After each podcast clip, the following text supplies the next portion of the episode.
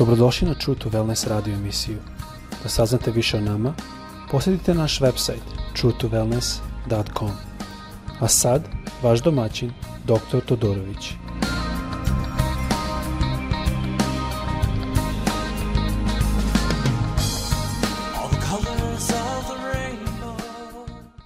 Ljubazni, dobrodošli na naš podcast. Sada ovo je drugi deo da govorimo o tome šta znači živeti u spoljašnoj pobožnosti. Želo bi samo da nas podsjetim o čemu smo malo govorili. Prošli put smo čitali drugo Timoteju, 3. glava, prvi stih, a ću ovo vrlo brzo pročitat, da kaže, a ovo znaju, poslednji dane nastaće teška vremena, jer ljudi će biti samoljubivi, sredoljubivi, hvalisavi, oholi, hulitelji, nepokoni roditeljima, nezahvalni, beznabožci, bezosećajni, nepomiljivi, klevetnici, neostraživi surovi, bez ljubavi prema dobru, izdajnici, naprasneti, a uobraženi, a, više će voleti nasladu nego Boga. I onda smo govorili o tome i našli smo da je tu ima tri elementa. I oni su u tom redu istostavljeni, što mnogo puta mi nađem da reč Božja nije slučajno sastavljena. Ako vas to interesuje, čitate e, rad Panina, što je matematičar iz Rusije, Ivan Panin, on je bio ne, znam božac, naučnik i on eh, kad je razmatrao reč Božju i kad je gledao originalno pisanje reč Božji, on je ponašao matematičke sisteme i obratio se. On je počeo verovati da zaista reč Božja je reč Božja, nijedna druga knjiga nema te sisteme. Možete to slobodno eh, čitati, ima prilično napisano o tome Ali ovdje što želim govoriti je, prvo vidimo da piše samoljubivi, sreboljubivi, hvalisla i tu smo prošli put objašnjavali se to dolazi od osjećaja niske samopouzdanja, što je u stvari bazirana na fobiji, ako razmišljate o tome, niska samozdanje dolazi od toga što ne verujemo da možemo imati ili smo u stanju nešto raditi.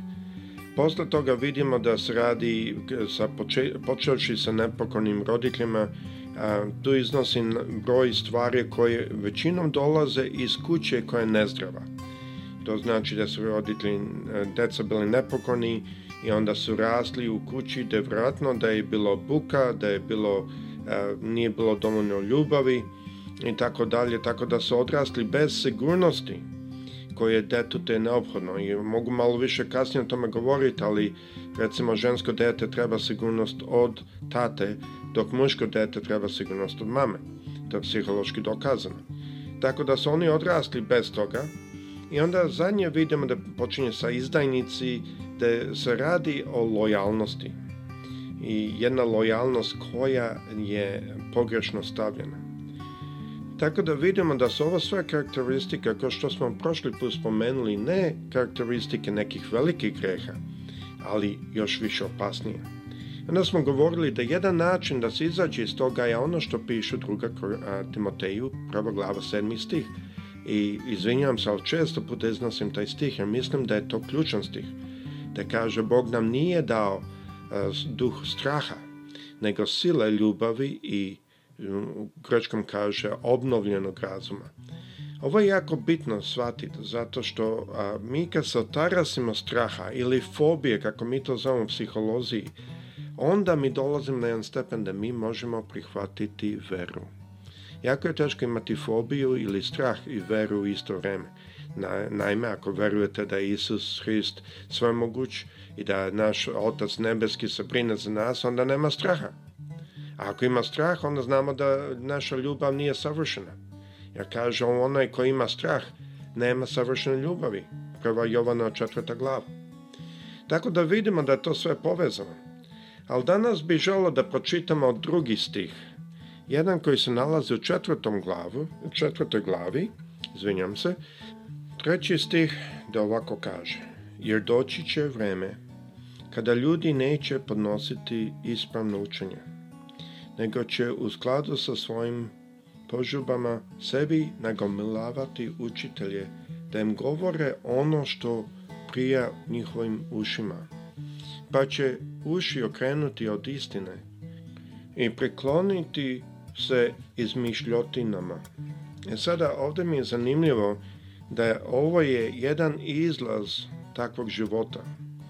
Kada mi hodamo po spoljašnosti, Mi hodamo po očima telesnim. Nama nije stalo, da kažem, u toj situaciji da hodamo kako Bog želi, nego samo kako nam odgovara, kako mi mislimo, pazimo da ljudi imaju dobro mišljenje. Mi onda dođemo na taj stepen da više prestanemo podnositi pravo učenje, nego počnemo da sebi tražimo učitelje koji govore ono što mi želimo čuti. Ovo se već dešava ovde u Americi. Ovde ima puno pastora koji su rekli da oni ne vole, na primer, Trumpa kako živi to sve. E sada, naime, ja mogu slobodno da kažem što se tiče Srbije, Trump je u stvari prilično dobro radi, ali ja govorim više ovde u Americi. I mnogi pastori to kažu, ali ne smeju to da kažu u crkvi. Kažu da u slučaju da to kažu, da bi odma manje više bili izbačeni. Ja e sada, ja mogu shvatiti ako bi neki pastor počeo govoriti pogrešno neko učenje ili protiv Hrista, ali ako on govori nešto što svakako se može potvrditi kroz reči Božju, barem što se tiče njegovog života, da narod ga izbaci, onda to nije zato što on nešto pogrešno govori, nego zato što narod nije spreman da čuje. Ovde vidimo četiri stvari u jednom stihu.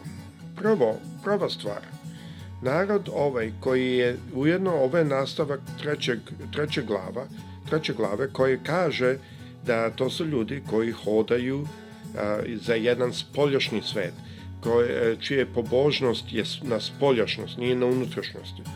E sada ovde se radi da prva stvar što vidimo je da nisu spremni da čuju zdravo ili ispravno učenje. Oni nisu spremni da čuju duha svetog nisu spremni da čuju glas Duha Svetog. Mi imamo primere takvih, kao što su fariseji i Juda Iskariot. E sada vi možete reći kako Juda Iskariot, pa ako razmišljate, on je vratno dovo Isusa i predao ga zato što on je vidio čuda, on je znao što Isus može uraditi, on je htio da pokrene Isusovu ruku, da on bude taj kralj. A u stvari uopšte nije volo i Mario za Hrista, nego Mario za sebe i da on ima neku poziciju. Ovo su u stvari pronašli istorijski da je najvratnije to bila njegova motivacija. Što je druga stvar što vidimo u ovom stihu? Vidimo ovde da njihov istiniti kompas, ili ja to zovem kompas istine, nije radio, nego su pratili svoja osjećanja i svoje želje. E sada, a zdrav hrišćan kada nekomu priđe kaže pa ovo možda nije najbolje činiti, zdrav hrišćan će to da sasluša. Možda se složite, možda se ne složite. Ali taj kompas, ja to znam, kompas istine. Kompas koji pokazuje ka istini, a mi znamo koja je istina. Isus Hrist. Taj kompas koji pokazuje k njemu radi. Taj čovek je spreman da sasluša. Taj čovek je spreman da razume. A ne kao karakteristika koju smo pročitali ranije, koja se nalazi u 2. Timoteju, prva glava, prvih četiri stihova, a ti ljudi nisu spremni da razumeju i da saslušaju. Ovo su ljudi koji prosto njih nije briga. Zašto? Zato što su oni ne brine za unutrašnjost, nego su brine za spoljašnjost. Treća stvar što vidimo ovde je da su ovo ljudi koji imaju uši koji žele da čuju ono što žele da čuju. Što nam to pokazuje da ovo su ljudi koji nisu više spremni da nauče, nego prosto da budu udobni. Njima je više bitno da sede udobno u crkvi nego da nauče istinu. Zašto? Zato što najvjerojatnije da ne postoji više vera, nego oni idu u crkvu radi socijalnih razloga. Crkva je jedno socijalno mesto. Crkva je mesto da upoznaš druge ljude, vidiš, ako si noživljen, možeš i naći nekoga bračnog druga i tako dalje. Više Hrist nije u tome. Tu su sada drugi motivi. I zato oni žele da čuju ono što žele da čuju, jer više u njima nema taj kompas istine. I ovde vidimo četvrtu stvar, da oni nabave sebi učitelje koji su kao oni. To se vidi jako puno na našim crkvama danas. Tolerancije više nema. Ako odete vi u crkvu ovde i kažete, na primer, da bombardovanje Srbije ili bombardovanje Iraka je bilo pogrešno, ljudi više neće pričati s vama. I ovde su hrišćani to verovali da to treba, da je to od Boga. Kako je to može biti Bog, ja ne znam, ali tako su verovali i dan danas verovali. Ili ako odete crkvu kažete da Trump nije e, hrišćanin zato što ovako i ovako živi i zato što nam reč Bože govori da gledamo njegove plodove, e, i to ne znači da, da kad mi gledamo na plodove nekog, to ne znači da taj ne pravi greške, nego pokazuje se jedan plod, jedan način gledanja, jedan način razmišljanja koji je duhovni, koji se ne vidi u njemu. To sada dodati da kažete ovde, neće imati nikakve tolerancije. Zašto?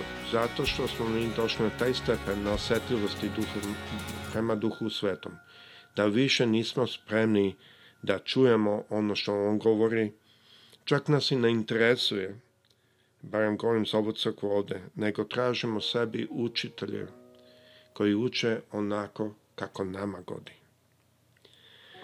Ovo je opasnost što bude ako se predamo i budemo oni koji su spoljašnji hrišćani, koji imaju spoljašnju pobožnost. U trećoj glavi vidimo te karakteristike, a u četvrtoj glavi vidimo rezultat takvog ponašanja. Zato želim da vas ohrabrim. Ajmo bit ponizni. Ajmo staviti našu veru i nadu, nadu u gospoda Isusa Hrista. Nemojmo sumnjati. I onda kad znamo to, znajmo da će On nas izvući i dovesti na ono mesto da On želi da mi budemo. Mi svi imamo vra eh, mane. Mi imamo svi isto i vraline, ali imamo i mane.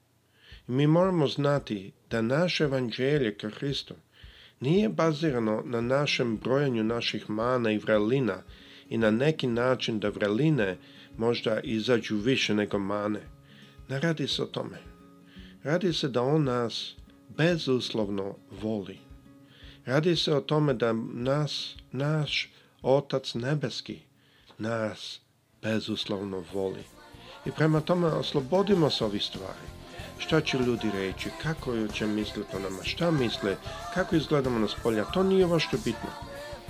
Setimo se da ima neko koji nas voli, koji želi da mi dođemo i budemo blizu njemu. A on je taj koji će se postarati o nama svima. Gospod sa svima vama. Prijatelj.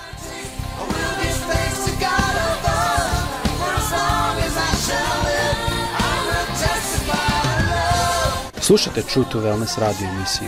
Pridružite nam se ponovo svaki utorak, četvrtak i subotu. Za kontakt molimo posjetiti naš website truetowellness.com. Naša e-mail adresa je info at truetowellness.com.